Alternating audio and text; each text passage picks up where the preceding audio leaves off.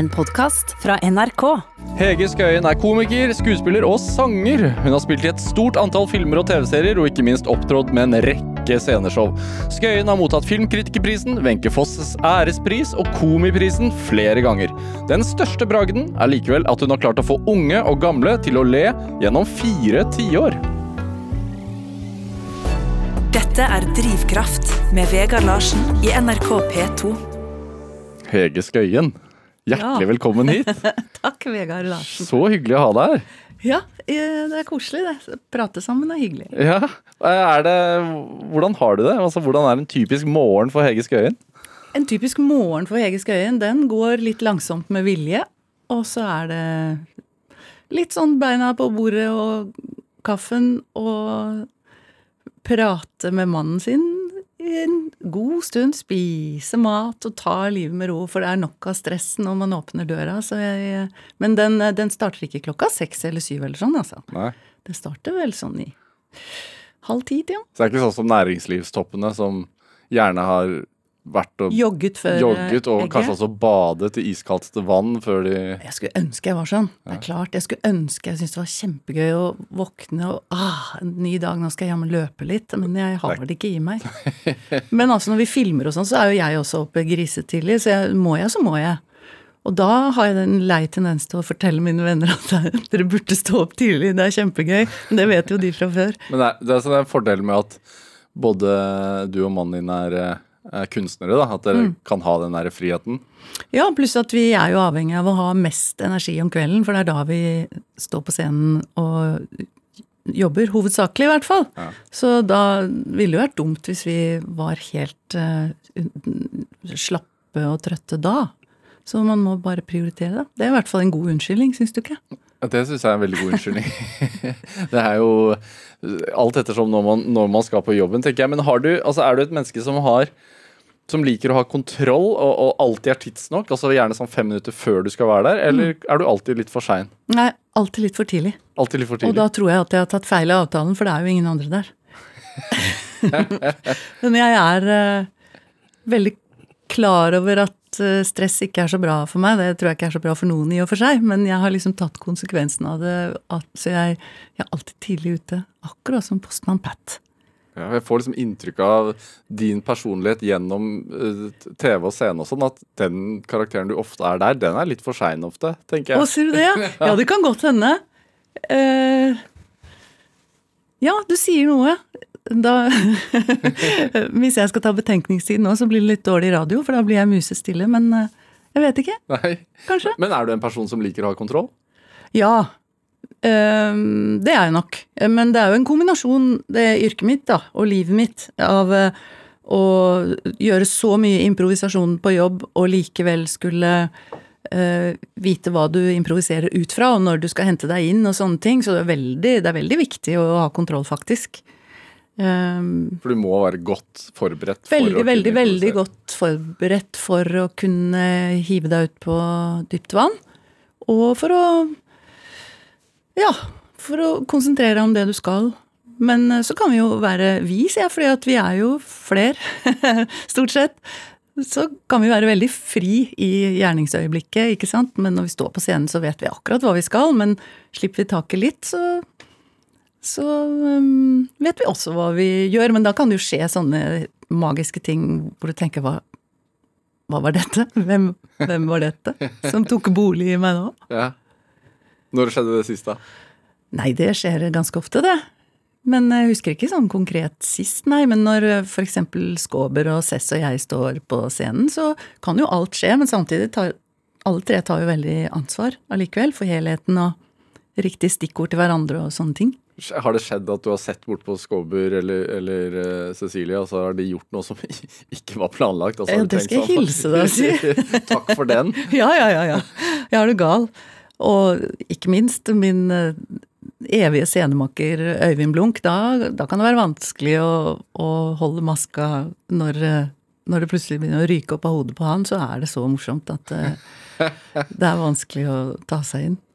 Ja, for det tenker jeg, du er jo en komiker som Altså, det er mange komikere som har sånn steinansikt. Ja. Du er ikke en av de. Nei, dessverre. Jeg skulle gjerne vært en sånn eh, person som klarte å holde maska, for det syns jeg er veldig gøy å se på selv. Men eh, jeg får det ikke til. Jeg, jeg blir rett og slett litt lattermild, og det er ikke alltid så lett å skjule. Jeg er litt flinkere nå enn jeg var før. Men eh, dessverre, der har jeg noe å lære. Jeg, leste en gang at du hadde beskrevet latteren din som liksom lydløs utover og med et stort snork innover. Ja, stemmer nok. Stemmer nok det. Jeg skal ikke demonstrere, tror jeg. Men det er, jeg tror det er ganske vanlig, det er sånn snorkelatter. Men eh, det er ikke sånn Det er ikke noe sjekketriks. Jo, men det er smittende, da. Ja, er det egentlig det? Hva, ja, Det spørs hva det smitter av. Latter er smittende. Snorking, liksom. uh, uh, Hege Skøyen, du, du er fra Oslo. Du er fra et møblert hjem. Ikke helt, faktisk. Jo. Faren din var møbelhandler. Det er riktig. Faren min var møbelhandler, det var han. Han drev en møbelbedrift som het Martin Olsen og Sønn. Eh, Men foreldrene mine ble jo skilt tidlig, eh, og eh, møbler var det jo. Men det var en periode, husker jeg, jeg er fra Abildsø, da, og, og i Oslo. Er det viktig for deg at du understreker det? Hvor jeg er fra, nei. Nei, altså det er fra Abildsø. Eh, Nei, jeg vet ikke. Man blir kanskje litt sånn jålete i forhold til Jeg er ikke fra vestkanten, altså. Ja. Siden jeg bor litt lenger vest nå. Ja, for du, du sa det før vi gikk i gang her. Jeg spurte hvor bor dere nå, så forklarte du det. Og så sa du sånn Men jeg er egentlig fra Abildsø, altså. Ja, men det, jeg liker å være litt uh, blanda drops, da. Litt her og litt der, og ha eh, ha flere sosiolekter, i hvert fall. Men altså, da vi vokste opp på Abildsø, så visste ikke vi at det het østkanten. Vet, altså sør-øst, liksom. Ja vel. Det var jo blandings, så det skal det vel være. Hvordan var det at foreldrene ble skilt så tidlig, da? Jeg tør påstå at det var eh, for meg som barn. Jeg var vel fire-fem. Jeg husker ingenting av det. det. Det var knirkefritt for meg. Det var selvfølgelig ikke det for de voksne, men de var så anstendige i sitt brudd at jeg har ingen traumer i forbindelse med det. Nei, For det var ikke så vanlig på den tiden. Nei da, det var ikke det. Men øhm, Nei, de, de voksne snakket ikke nedsettende om hverandre, og Altså, eneste negative med det, eller det som var negativt med det, var jo at jeg på en måte mistet kontakten med faren min, for vi var ikke så flinke, eller de var ikke så flinke til å ha sånn der annenhver ditt og annenhver datt uh, i uka og sånn. Så det var bare Hadde man det i det hele tatt? jeg vet ikke, men det var liksom 'kom til meg når du vil, du jenta mi', ja, og så, så surra vi det litt bort begge to i perioder. Så det ble ikke så tett, men eh, jeg kan ikke komme på en eneste Jeg, jeg, jeg har ikke noe, noe uh, tunge minner av det, altså. Det er ikke derfor du ble komiker, si. Nei, nei, det tror jeg i hvert fall ikke. Eh, faren din var møbelhandler. Far, eh, moren din er Eli Skolmen, regissør. Mm. Eh, Onkelen din var Jon Skolmen. Vokste opp i et kreativt hjem sånn sett. Ja da. Hvordan merka du det? Nei, vi merka jo ikke det, egentlig. Det er jo sånt som man ser i retrospekt, det tror jeg. At å ja, der var det lov å synge og eh, tulle og leke med ord, formuleringer. Herme litt sånn godhjerta etter folk man hadde møtt. Fordi det Jeg la til godhjerta nå. Det, Det så du de voksne gjorde, kanskje? Ja, det var vel sånn vi fortalte hverandre hva vi hadde opplevd, egentlig. Og det fortsatte jo litt sånn med at jeg Du Jeg hermer- hermet litt etter lærere. Ja, jeg gjør jo det. Jeg lever jo og hermer. Ja. på, på sett og vis, da. Men, eh, men det er ikke så gøy med herming hvis det ikke kommer fra et sted, nå som profesjonell, da. Men i, i hjemmet så var det absolutt sånn, og besteforeldrene mine på begge sider også. Det var mye musikk og latter, egentlig. Og jeg vil legge til en form for sårbarhet, og det ser jeg på som noe veldig fint, da. Hvordan da? At man er litt eh, hudløs i den, altså uten at det blir for vondt, men at man har følelsene sine tilgjengelig. Altså et hjem der det var følelser. Hva sa du? At det var mye følelser i hjemmet? Eller Mye følelser i Nei, men altså, siden du sa den, den Hvordan, hvordan Jeg hadde veldig mye følelser i hjemmet mitt, og det er jeg glad for. Nei, det, Det var det, det var det jeg syns du sa nå. ja, det, det kan godt hende jeg sa det, men det jeg mente var øh, øh, jeg syns sårbarhet er et litt sånt gyllent, fint ord fordi um, Fordi det er øh, personligheten som har et litt tynt skall, da. Så jeg blir um, Jeg liker at folk eh, ikke er for utilgjengelige når man først skal ha en samtale, og i jobben min så er det jo eh, Skal det jo være kort vei inn til å hente eh, Ja, kalde følelser, da. Men så skal man jo selvfølgelig kunne lappe seg selv sammen igjen og, og ikke gå helt i stykker. Men, eh, Men jeg liker å se det hos skuespillere, at, eh, at det dirrer litt. Men siden du, du trakk fram dette, at dette var en del av, av der du er fra, altså med besteforeldre og, og foreldre, denne sårbarheten, altså hvordan merka du det? Nei, det skal ikke bli noe hovedord for min oppvekst, jeg tror ikke det. Sårbarhet? Nei, men ikke sant, hvis man tuller og tøyser og synger og, og holder på, så så er man vel i hvert fall Har man eh, Lever man litt i øyeblikket, da, kanskje? Jeg har ikke noen gode formuleringer på dette. Føler jeg litt på dypt vann nå? Kan vi snakke om noe? Men jeg tenker eh, du, altså, altså, Siden du har vokst opp i et, eh, et eh, kreativt Moren din har aldri hatt regi på deg, har hun det? Eh, jo, faktisk én gang. Har hun det? Ja, da var jeg voksen. Ja. Eh, Var med på én eh, dramaserie. Hun jobbet jo i NRK Drama etter hvert, og da Da var jeg med i en av hennes produksjoner, ja. Hva var det for noe? Eh, Det var en serie som het Fortuna. Hvordan var det? Nei, det, det gikk helt fint, det. Eh, ja. Jeg skulle Jo, nei.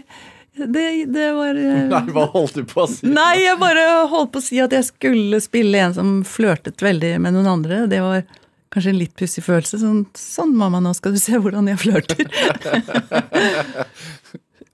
ja. Men hun var fornøyd? Håper det. Ja. og så har du jo spilt mot onkelen din. Eh, jeg, jeg husker jo spesielt godt Selskapsgolferen Ja, i Sverige, ja. Eh, Med Lasse Aaberg. med Lasse Aaberg. Og Tenk på det, for det- dere har liksom merkelig forhold i den filmen der. Ja, du. Litt incestuøst, tenker du på? Ja, var det Ja, det? nei, Vi bestemte jo med en gang at det må det ikke være. Så vi skal eh, det ikke være noe kjærestegreier der, for det, det er ikke noe bra. Nei, fordi jeg sitter, Når jeg ser den filmen, Selskapsgolferen, så, som jo er en del av Selskapsreisen-filmene, eh, så tenker jeg sånn Er de gode venner, eller er, står det i manus at de egentlig har hatt en flørt en gang? Eller, Ja. Nei, jeg, jeg må nesten si ingen kommentar, sa hun og skravlet videre. Altså, eh, det var jo Det er jo en svensk film, eh, så vi opplevde jo oss selv som eh, skuespillere som sto fritt til å forme rollen vår. Så det var jo ikke sånn 'der er Jon og Hege', liksom. det var, Neste spørsmål, ja, takk. det var sånn svensk castingansvarlig som så at de har forskjellige etternavn, de har sikkert ikke slett. Må ikke du drikke kaffe og le samtidig, da? Det går bra. Ja, det var litt sånn, var det ikke det, da? Nei, altså, jeg, jeg har ikke noe å si om akkurat det. Vi, vi, det, vi spilte jo ikke kjærester. Nei. Vi flørta litt der. Åh, ble det varmt her. Uh, Hege Skøyen, hva, var Altså, drømte du om å bli skuespiller? Overhodet ikke. Nei? Nei. Hva ville du bli, da? Åh, ja. Det var mye forskjellig. Først da jeg var liten, så skulle jeg jo bli ballettdanser, trodde jeg. Og så ville jeg bli eh, jobbe med bøker, ville jobbe i bokhandel. Og, og, Hvorfor det? eh, Fordi jeg alltid har vært glad i bøker, og fordi jeg alltid har vært veldig glad i skrivesaker. Jeg elsker å gå inn i en bokhandel og se på ja, penner og blyanter og viskelær og Nå er det jo ikke så mye av det lenger, men alle de der skrivesakene, sitte og tegne og skrive og kludre og Det er jo kanskje en form for kreativitet, det òg, håper jeg. Og så skulle Hva leste du, da? En- Nei, alt mulig, egentlig. Jeg leser ikke så veldig mye krim, men øh, ja. Alt mulig rart. Men jeg husker faren min vant i tipping en gang da jeg var liten, og da sa han nå til farmoren min nå kan du ta med Hege i bokhandel, kan du få kjøpe så mye bøker hun vil. Det var helt fantastisk. Altså Da var det hyllemetere med, med de bøkene jeg likte akkurat da. da. Altså Det var liksom eh, hele Astrid Lindgren og, og alt jeg kunne komme over av litt sånn halvspennende ung jentelitteratur. Og, å, det var gøy. Det var stas. Det var det beste som kunne skjedd. Andre barn ville i godteributikken eller i leketøysforretningen? Du ville i bokhan- bokhandelen? Ja, det var eh, det, Ja, det var helt fantastisk, det. Er det, er det, har det vært en, det å lese har det vært en trigger for fantasien din? Altså Har du alltid hatt masse fantasi? Ja, Jeg har alltid hatt masse fantasi. Og det Ja, det har jeg. Den bruker jeg Den kan til og med brukes i jobben, liksom. Det er jo ikke så dumt. Men um, jeg, liker, jeg er veldig glad i å lese fremdeles, og delvis eh, Ja, å reise i hodet mitt liker jeg. Flytte fokus og gå inn i noen andre. Og um, skulke meg selv litt. Hvor, hvor, hvor, eh, hvor går du da? Altså Nei, da kan man reise hvor man vil, til 1800-tallet eller eh, fremtiden for den saks skyld. Jeg reiser ikke så mye science fiction, jeg, men, men eh, det å leve seg inn i andre historier, eller å reise uten å røre på beina, det passer fint for en lat person. Men først og fremst så er det veldig sånn spennende å gå inn i andres liv, da. Sånn sett så er det jo et riktig yrkesvalg, da. Ja, det føler jeg absolutt. Og selv om jeg aldri drømte om å bli skuespiller, så elsker jeg jo jobben min nå. Tok noen år før jeg ble varm i trøya og skjønte at jeg var på riktig spor, men, men nå er jeg dypt takknemlig for at jeg har denne muligheten til å forme noen andre. Til dels meg selv òg, men ja, jeg føler meg rett og slett veldig, veldig heldig som dumpet borti dette her. Får man det? Altså, gjør man det? Altså, former man seg selv når man går i karakter og spiller noen andre? Det fins sikkert tusen svar på det, og klokere enn mine, men eh, For min egen del så tenker jeg mest at jeg skal legge bort meg selv, selvfølgelig, og, men hente råstoff fra erfaringer og observasjoner og putte inn i et annet menneske som jeg skal få til å leve. Men er det, altså siden du sa at dere allerede som barn likte å etterape lærere og folk Ja. dere så på gaten og sånn, eh, hvor viktig er den observasjonsevnen din, tror du? Jeg tror den er veldig viktig. Jeg tror jo det. Og jeg er ikke den første i mitt fag som sier at man sitter og samler råstoff helt uh, ubevisst når du sitter på en kafé eller, Ja, du gjør det. eller går på gata. Ja ja, men det er jo ikke med vilje. Det er ikke sånn 'det var en interessant gangart han hadde der borte'. Det er jo bare ting som, som eh, flokker seg rundt inni sanseapparatet, og som du bevisst eller ubevisst tar med deg videre. Og det er jo veldig gøy. ja. Men du eh, skulle jo bli sanger. Nei, jeg skulle ikke egentlig det, skjønner du. Jeg hadde sang som hovedfag på Musikkhøgskolen, og jeg sang og sang og sang helt fra Altså, musikken er blodomløpet mitt, føler jeg. Det, jeg skulle bare drive med musikk, og gjerne synge, men da helst i et stort kor, og være en liten stemme i den store klangen. Det var min drøm. Jeg, vil, jeg er veldig, veldig opptatt av musikk, og har alltid vært det. Men ikke som solistsanger, nei. Nei. Nei. Hvorfor, hvor, Nei, er, det er, ikke det, er det ikke det man drømmer om, da? Å stå på scenen jeg. Nei? Nei, jeg er et utpreget ensemblemenneske på scenen, tror jeg. Hva skjer i et kor, da? Med deg? det vokser fram en stor klang som man er en del av, og så skal man ikke dominere, men du skal likevel bidra. Og jeg tror altså det eh, I hvert fall sånn i ettertid så ser jeg tilbake til hele oppveksten min i NRKs jentekor og sånn, som helt essensielt i den forstand at jeg blant mye annet lærte meg å lytte. Og det med lytting ser jeg på som en veldig, veldig viktig del av den jobben jeg har nå. Ja, hvordan, altså, hva mener du med det? At du skal Altså, det er en del av timingen din. Ja. Du skal lytte på din egen timing, du skal lytte på uh, musikere hvis du jobber sammen med dem, du skal lytte på de andre skuespillerne aller mest. Og det morsomme er at alle tror vi gjør det samme hver dag, og i og for seg gjør vi det, men når din medskuespiller har en litt annen betoning en dag, så skjer det noe med deg selv fordi du lytter, ikke sant? Så svarer du på en annen måte med de samme ordene. Altså, så selv om dere har solgt da, eh, med tre elefanter i rommet, har solgt, eh, altså som, som du gjør med Skåber og, og Cess, eh, solgt ja, hva var det jeg leste? Over vet 100 000 billetter. Har vi det? Ja, gratulerer. Så det går ikke på autopilot. Nei! Du hører. Å ja. Du lytter. Å ja, ja, ja.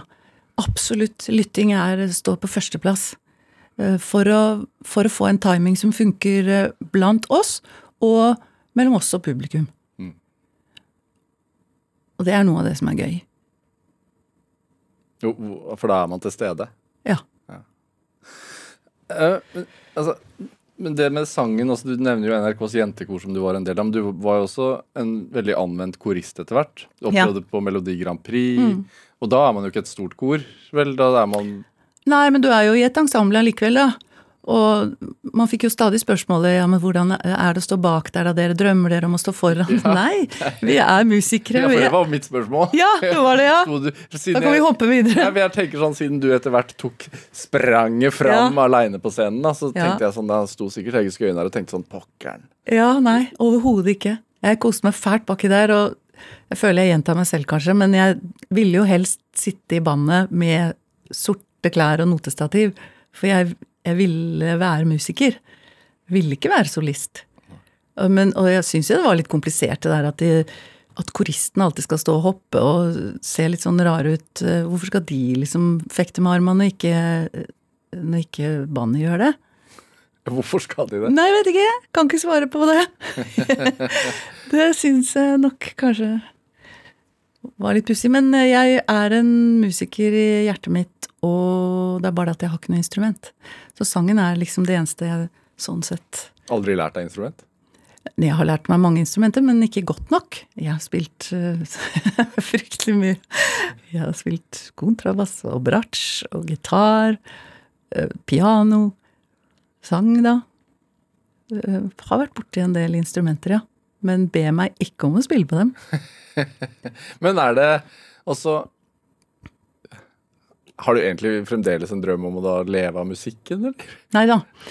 Nei da, ikke i det hele tatt. Jeg syns jeg lever eh, med musikken hver eneste dag, Ja. egentlig. Siden du, Og- bor, du er sammen med en musiker, tenker du på? Ja, nei, men ja, jo det òg. Men eh, det er jo folk som, som sier til meg at eh, var utdannelsen bortkastet, men det var den jo ikke i det hele tatt. For jeg bruker jo musikk på scenen hver eneste dag, og- nettopp det der med å innordne seg i eh, pulsen.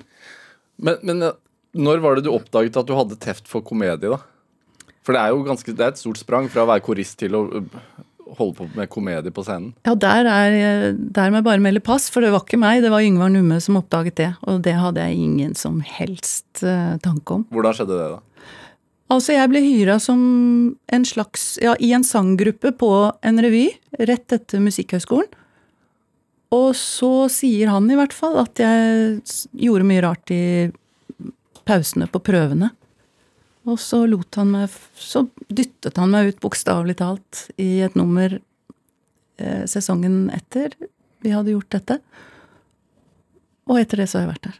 Han sa Han insisterte på at du skulle frem på scenen. Jeg trodde fyren hadde klikka, men eh, Og, og den gang, altså Dizzie Tunes eksisterte jo da. Ja, ja, ja. Og Yngvar Numme var jo ikke noe hvem som helst. Nei. Uh, Dizzie Tunes var jo svære i Norge. Ja, det var de. Uh, Så jeg var i de beste hender fra første øyeblikk, og spesielt det at, jeg, at det var uh, folk som var så musikkorienterte som dem, da. Men på en måte så var de en annen generasjon enn meg, og jeg generasjon trodde før. Ja, på en måte, men, øh, men utrolig Med en sånn scenisk folkeskikk og vennlighet hele veien som var så bra for meg. Hva er det han sa til deg, da? Som overtalte deg? De rare beina der må vi bruke til et eller annet. Tusen takk. Ja, for et kompliment. Ja. ja. Så blei det sånn, da. Hva var det nummeret, da? Nei, det var så mangt, det, egentlig. Jeg har jo Ja, men det stått på mine egne ben Ja, hele tiden. Nei, men hva, altså det første nummeret som han kastet deg ut Ja, det var et nummer som Lill Lindfors hadde gjort i, eh, i Sverige, og som hun eh, hadde skrevet sammen med en som het Åke Cato. Og det het vel Ja, punkeren kalte vi det. Tenåringsproblemer eller noe sånt sto det vel på arket da jeg fikk det, men eh, ja, det var eh, en tenåringsjente som var eh, fortvilt over at eh, foreldrene hadde blitt så håpløse i, når hun kom i puberteten. Eh, Jeg kan ikke gjenfortelle noe som helst, for jeg har ikke den typen ja. hukommelse. Men var dette på Chat Noir? Det var på? Chat Noir, ja. Hvor, hvor var det for deg å gå ut der, da? For, altså, Ja, jeg, Yngvar Nume dyttet meg, som sagt, Ja. og hen, hanket meg inn igjen når jeg var ferdig, og det ble Det gikk veldig bra. Moren min og faren min satt i salen på hver sin rad. De var, hadde ikke vært gift på 100 år, og jeg tror de snudde seg og kikket på hverandre. Hva i alle dager? Hvor kom dette fra? Nei, det gikk veldig bra. Og så Ja, så ble jeg innenfor det systemet der, da. Eh, Men jeg tenker, også Dizzie Tunes på den tiden, som, som jeg sa, altså, de var enorme i Norge. eh, og det var jo En del av det de gjorde, ble jo vist på NRK, og det var jo bare én TV-kanal. Altså, og, og Yngvar Numme og Gunnstrøm var jo De var store i showmiljøet. Hvordan var det altså, hvordan var det backstage der? Ja, du må huske på at jeg har faktisk bare gjort én produksjon sammen med Dizzie Tunes. Ja. Eller det bør ikke du gå rundt og huske på, men det er- forteller jeg deg nå. Eh, Så min, mitt lengste sceneliv var jo med Øyvind Blunk. Ja. Eh, Og Så det er, det er mange som har påvirket min skjebne, kan du si. Og Øyvind var definitivt eh, en viktig person der. Det derre sammentreffet med at vi møttes, og at eh, Bitten og Reidar-greiene skjedde på et sånt tidspunkt i våre liv, liksom. Men da var allerede kontakten med Yngvar etablert, så det var jo han som på en måte tok seg av regien og, og ansvaret da også, så vi har vært veldig heldige i heldige, gode hender, da. Når det er så eh, man, Hva skal man si? så mange som, som kniver om man den plassen i rampelyset, da, hvor viktig er det at man møter noen som tror på en?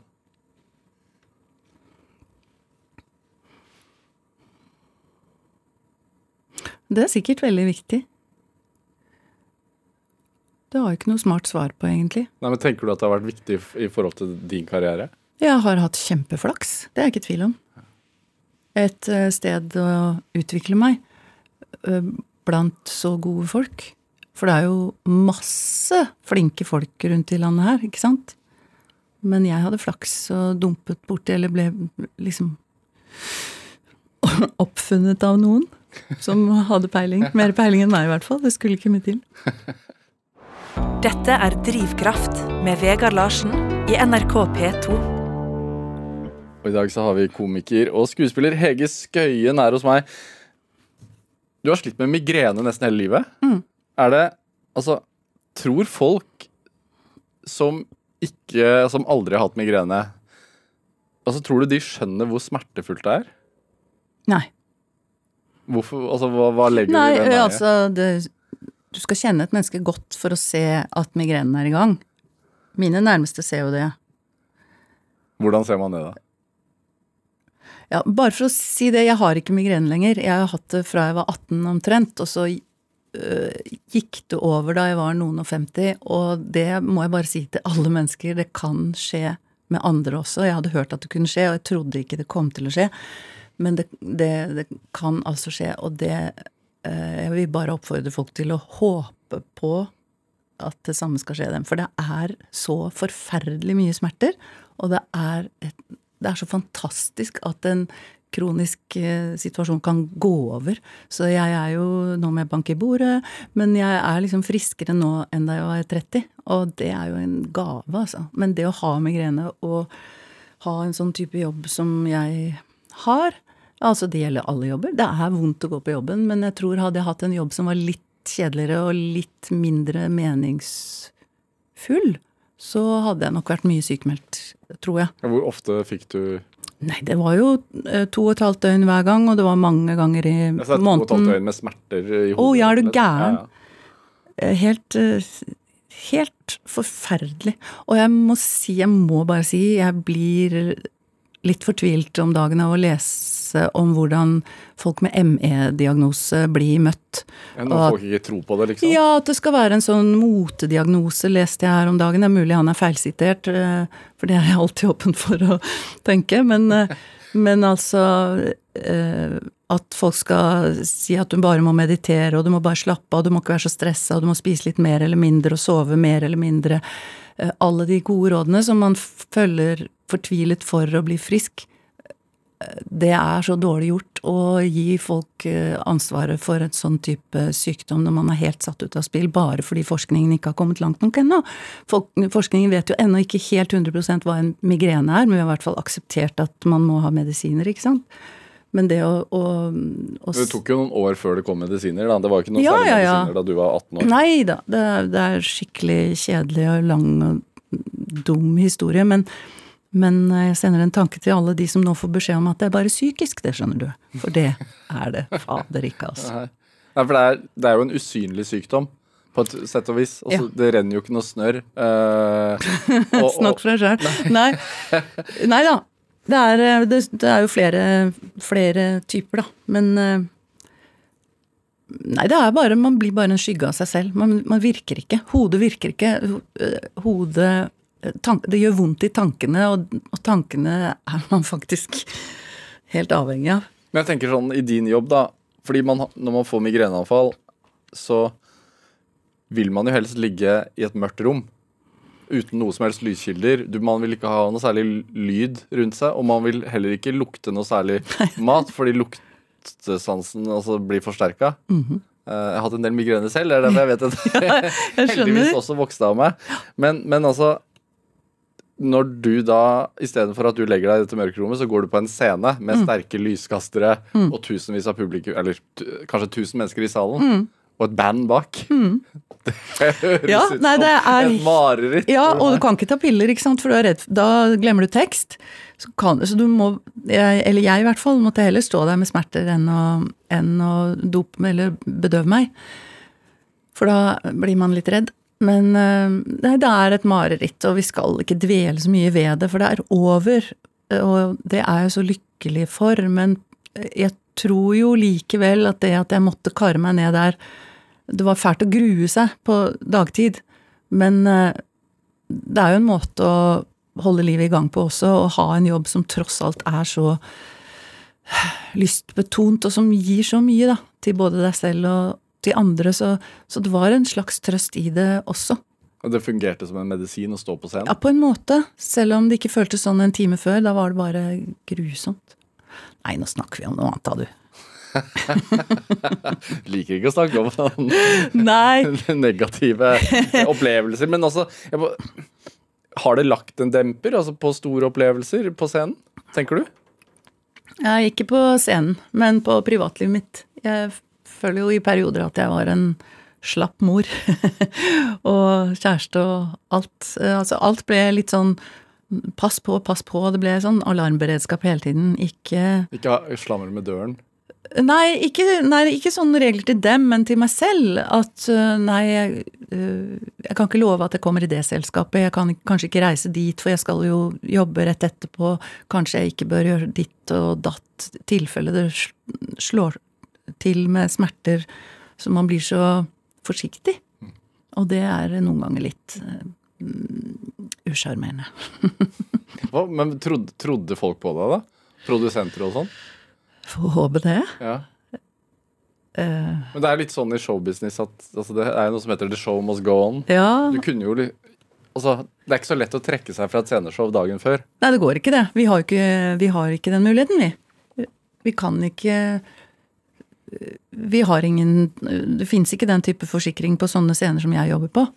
Så, så du går på jobb Altså, jeg har stått på scenen med dobbeltsidig mellomørebetennelse og med influensaer, og nå har jeg begynt å ta sprøyter, da, men, men uh, migrene selvfølgelig, ganger hundrevis av ganger. Men Hundrevis. Å ja, det vil jeg tro. Men eh, eh, kan vi snakke om noe koselig? Men er det sånn Jo, men jeg tenker sånn, altså eh, Ja, ok, vi kan godt snakke om noe koselig. Vi er ferdig med migrene. Jeg tror det. Men det er, det er litt deilig å høre at det kan forsvinne, da. Det er håp. Ja, det er håp. Men stemmer det at det bråker i hodet ditt fremdeles? Ja, det, det er veldig skravlete inni hodet mitt, ja. Ja. Det er, det er eh, Det er ikke sånn stille, blikkstille hav. Masse, masse rare tanker og ideer og fantasier. Det er jo bare deilig, men eh, derfor så Har du sånne dialoger med deg selv? Oh ja. Har du, Ja, ja, ja, hvordan høres det ut? Nei, eh, det, det, det er vanlige samtaler på alle mulige språk og dialekter og kjønn og alder. Er det jo, sant? jo, jo. Klart det. Hæ? Ja, ja.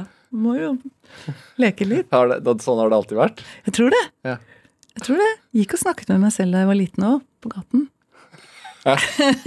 og nå når vi er jo Fikk ikke den du svarene du ville ha da, eller var det Nei, vet ikke. Nei. Det ser jo litt pussig ut, men nå ser det jo ikke pussig ut lenger, for nå er det jo de andre som er rare, som går og snakker i telefonen med sånn trådløst eh, dings. Da blir jo jeg bekymret og tror at de kanskje trenger en hjelpende hånd, men de snakker jo bare i telefonen. Gjerne med sånne endestykker på, på uh, batteridrevne tannbørster som de har i ørepluggene sine. Eller Ja. ørene sine. Ja, kanskje det er det de har. veldig rart. Vi spiller. Dette er Drivkraft med Vegard Larsen i NRK P2. Og i dag så har vi komiker og skuespiller Hege Skøyen her i Drivkraft. Er det feil å si at Altså, vi skal ikke innom alle, alle karakterene dine, fordi du har jo laget så mange. Men altså, Sterking Gundersen, det er gjennombruddet, er det ikke? Eh, Det kommer an på hvem du spør. Nå spør jeg deg. Ja, takk skal du ha. Eh, Kanskje. Eh, jo, men ikke sant. Noen mener det var Bitten og Reidar, andre mener det var Stelken, og atter andre mener det var kanskje den første rollen jeg fortalte deg om i stad, når Yngvar Numme måtte dytte meg ut på scenen, og jeg var ganske lost.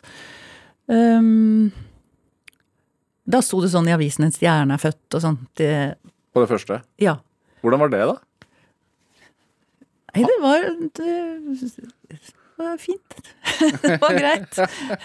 Men, eh, men eh, Stelken var jo selvfølgelig eh, synlig, ja. Var den skapt av deg? Nei, det kan jeg ikke si. Det var eh, Yngvar Numme Alfred Næss som skrev den, og sa at vi hadde tenkt at du skulle være en proffbokser. Jeg syns selvfølgelig det var en dårlig idé. det var vel beina mine igjen. Og så, så leste jeg gjennom teksten, syntes den var dårlig. For jeg var så skeptisk. hei, hei, jeg heter Sterken Gundersen. Proffboksingens svar på uh, Ole Lukkøye. Og der satt jeg med langt, lyst hår og olabukser og tenkte hva er det de vil? Heldigvis så var de litt smartere enn meg, så de hadde jo sett for seg noe rart. Og så begynte Yngvar å jobbe med meg og si prøv å snakke litt sånn, eller snakke litt sånn, eller legge om stemmen din for å høre. Og så Grete Kausland var um, regiassistent på den forestillingen. Hun kjeda seg den sommeren. og så Hun var veldig interessert i boksing, nemlig, og sport for øvrig. Så hun sa hun må jo ha en um, tannbeskytter, så da gikk Grete og kjøpte en tannbeskytter, og da ble det jo vanskeligere og vanskeligere for meg å snakke, og da var det lettere å legge det hege til side og lete etter uh, en fyr. Ja, Så la du haken inn. La haken inn, det skjedde litt sånn gradvis, disse tingene. Så fikk jeg sånn den derre teite, korte, mørke parykken og en shorts og, og alt dette her. Og etter hvert så vokste det fram en fyr som til slutt eh, hadde sitt eget liv og sitt eget språk, da. Og da eh, Ja. Det var gøy, og litt grann skummelt at det bor en sånn mann inni meg. Og det var jo en, det var jo en eh, fyr som hadde fått litt for mange harde slag mot skallen. Ja da. Han var ikke Han var ikke veldig smart, men han eh, det, er litt en av mine kongstanker, i hvert fall innenfor eh, komedie, eh, at jeg tror Jeg liker sånne karakterer som har høy selvtillit og dårlig selvinnsikt på en gang. Hvorfor det? For da Den skråsikkerheten kombinert med litt eh, magert tankegods, den er veldig morsomt, syns jeg. Sterken Gundersen var jo sånn. Og da jeg spilte Nattens umusikalske dronning om hun Florence Foster Jenkins som, eh, som trodde at hun var dritgod til å synge, men som sang fryktelig surt.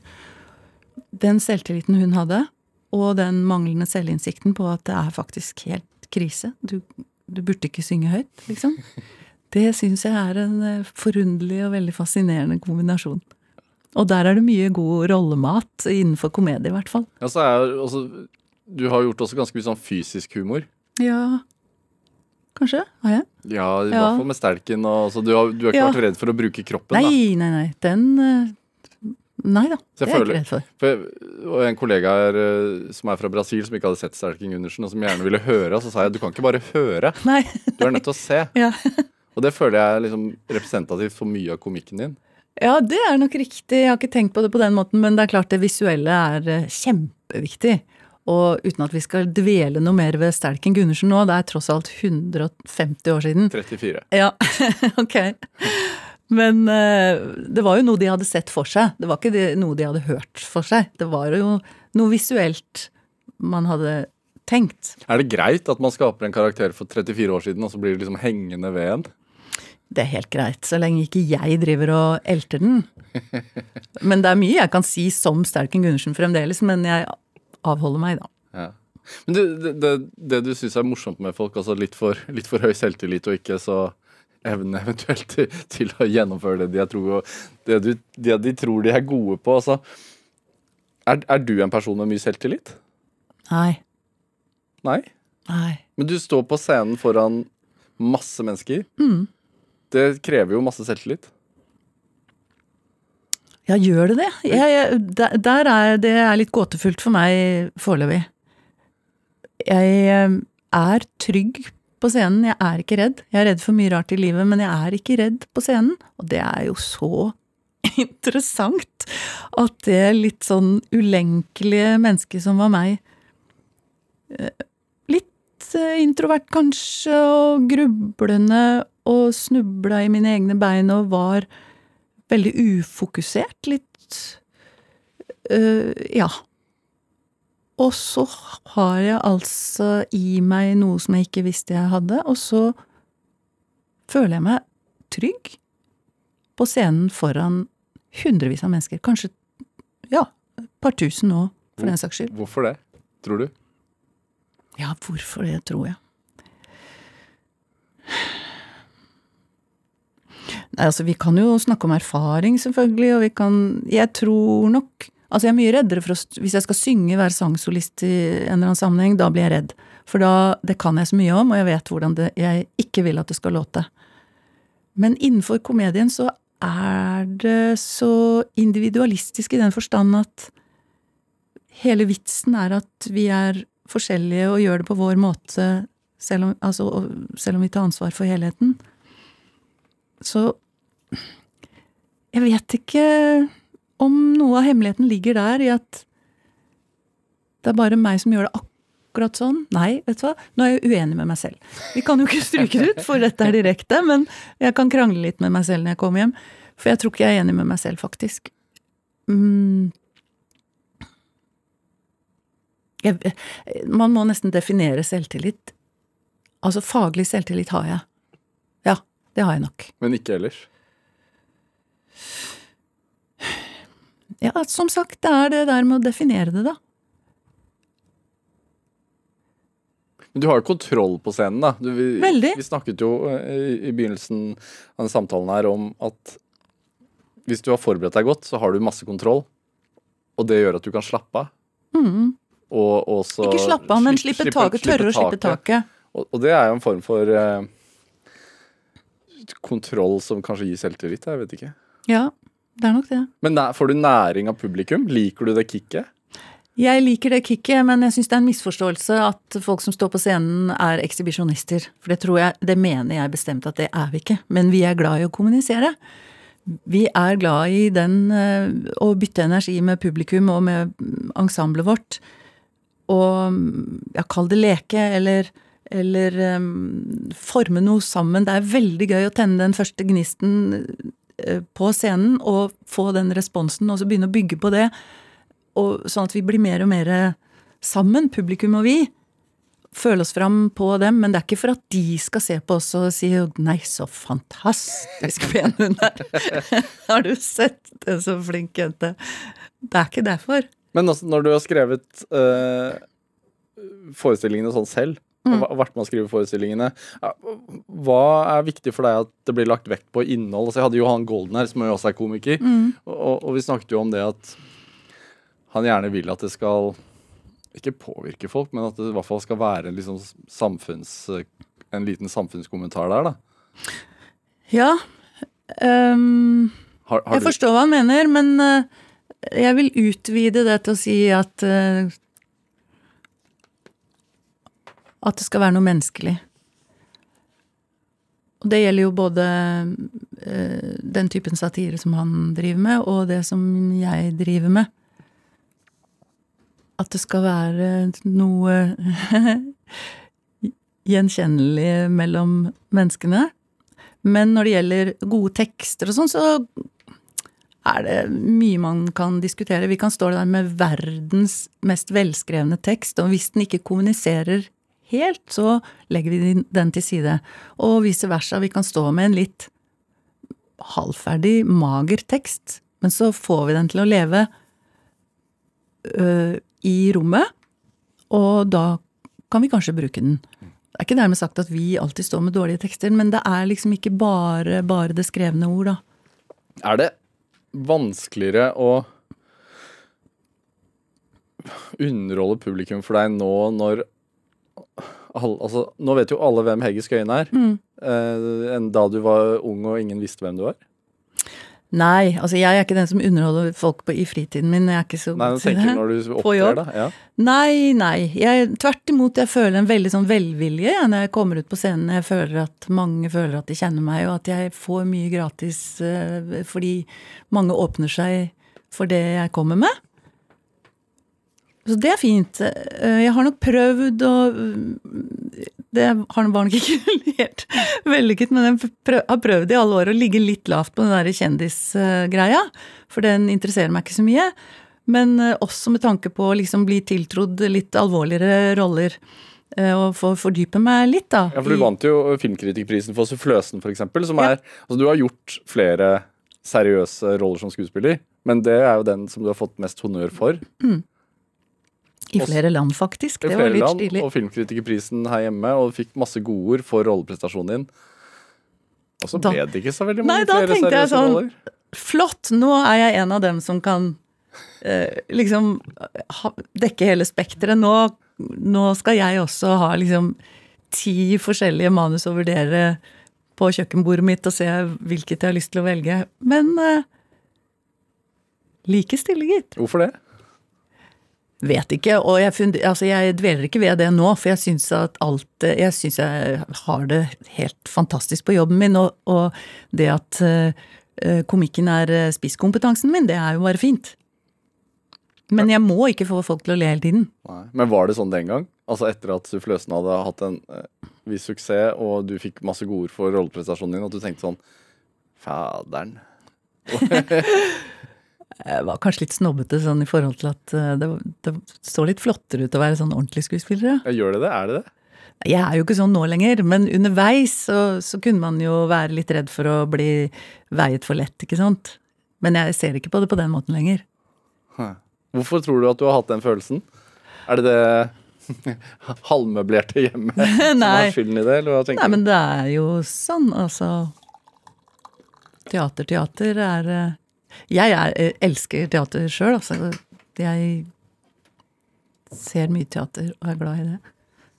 Nå sitter jeg og ser på klokka, det er du som må se på klokka. Jeg tenker sånn, nå rekker vi jo ikke Sitter, du og kjeder deg? Hva er det vi ikke rekker å prate om nå? Hva er det, hva er det ikke. savner? Jeg vet ikke. Nei, hva er det du ser på klokken for? Eh, Parkeringen? Ja, på, nei, nei, jeg tar ansvar for din jobb, liksom. Jeg Ja, tenker stakkar, nå rekker han ikke å hva er det vi skal innom? skal vet? Hva- ok, det fri, fri.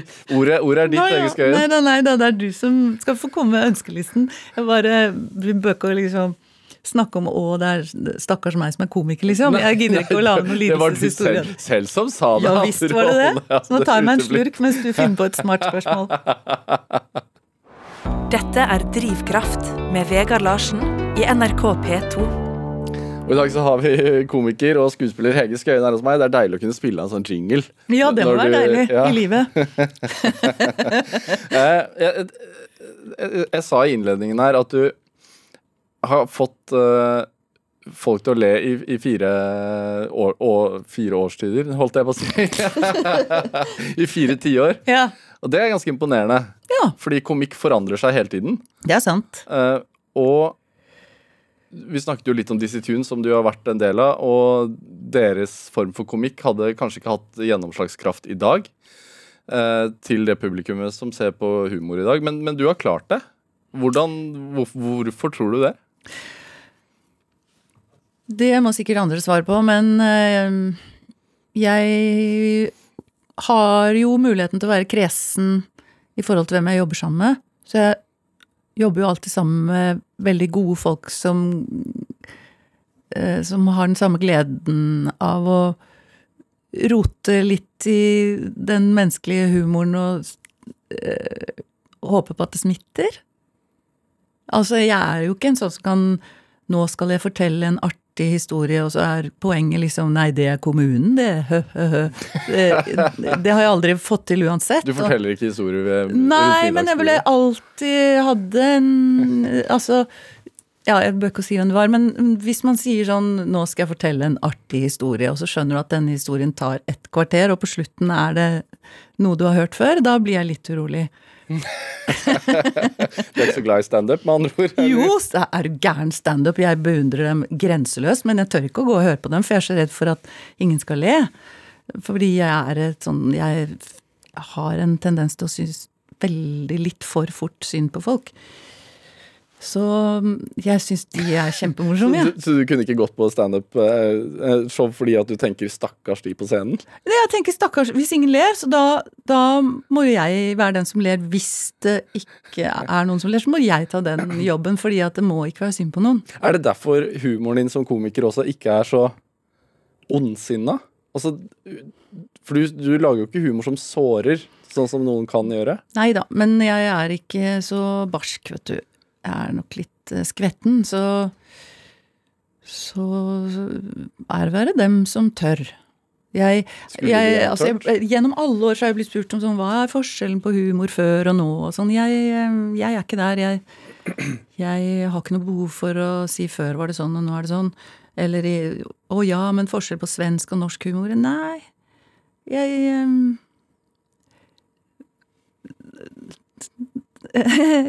Jeg ser det ikke på den måten. Jeg håper jo at det går an å være flere generasjoner i det faget her. Foreløpig ser det veldig lyst ut. Ja, sånn er det jo hjemme hos deg også. Sønnen din, eh, Jakob Skøyen, eh, har jo gjort en karriere innenfor humor. Ja. Eh, og du opptrår jo med venninna hans, Cecilie. ja. eh, som de slo, slo igjennom sammen i kollektivet. Eh, har dere pratet mye humorfag og sånn hjemme? Har dere jobbet tett sammen? Ikke jobbet tett, nei. Men snakket fag gjør man jo i og med at det er en slags eh, eh, Altså, det er en hverdagslig sak, på en måte, å snakke om jobben sin sånn uten at Det er jo ikke det minste glamorøst, det vet jo barna mine. Stå på scenen? Ja, ja faget her, det er jo ikke kjendiseri, det er jo hardt arbeid. Men eh, Hvordan har du fortalt det? Eller har Nei, du trengt å bare, fortelle det? Jeg har lyst til å si at uh, det er ingen som syns det er rart at læreryrket går i generasjoner i en familie, eller at elektriker og Det er ingen som sier 'jøss, er barna dine også uh, elektrikere'? Det var rart. For det er jo ikke rart, fordi um, det som er hver, hverdagspraten hjemme, det er helt eh, normalt. Mm. Så sånn er det. Hva var det du spurte om, egentlig? Vet ikke hvorfor jeg må forsvare meg på det der, men, men eh, det det er ingen som har pushet fram barna mine, for å si det sånn. Nei. Men hvordan Altså, Har de merket eh, at ikke det er glamorøst, eller har du fortalt det? Altså, når jeg lå der med migrenen på sitt heftigste, så var det ikke akkurat eh, eh, eksempel til etterfølgelse og noe som folk drømte om, nei. Nei. Men eh, Nei, det er, det er eh, hardt arbeid, og det skal det være. Du jobber fremdeles veldig hardt. da. Vi så deg jo sist på, på Netflix-serien Hjem til jul. Og veit du skriver på et show nå der du skal ha regi. Ja, ja, ja. Jeg, det Eller du er med, ja. Ja. Eh, og så skal dere opptre med Tre elefanter i rommet igjen. Vi skal nordover, og det har vi banket gjennom selv. Bare gått til Elina Kranz og sagt vi vi har vært på turné på Østlandet og på Vestlandet og litt i Midt-Norge. Vi vil nordover. Ja.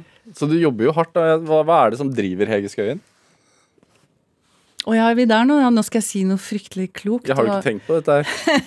Det er eneste Ja, det er sånn det er eneste leksen du fikk. Ja, jeg er ikke så glad i lekser. Hva er det som driver meg? La oss si innlevelse. Det Det er veldig Det, det trenger jeg forklaring på. Du gjør det, ja? Ja. ja? Både på jobben og i hverdagen så er det verdifullt å kunne leve seg inn i andre mennesker. Hvorfor det? Fordi vi ikke er på kloden aleine. Så, så du Ja, ikke sant. Så det er en, det er en, det er en sånn humanisme inni dette her. Jeg skal ikke skryte på meg det, men eh, i og med at du ba om en drivkraft, jeg vet ikke. Jeg, syns jo det er, eh, syns det er fint med folk. Det Fint med samtaler. Ja. Selv om jeg, Smiske, smiske, sjel- smiske. sjelden har fått så mye kritikk for spørsmålene mine, si.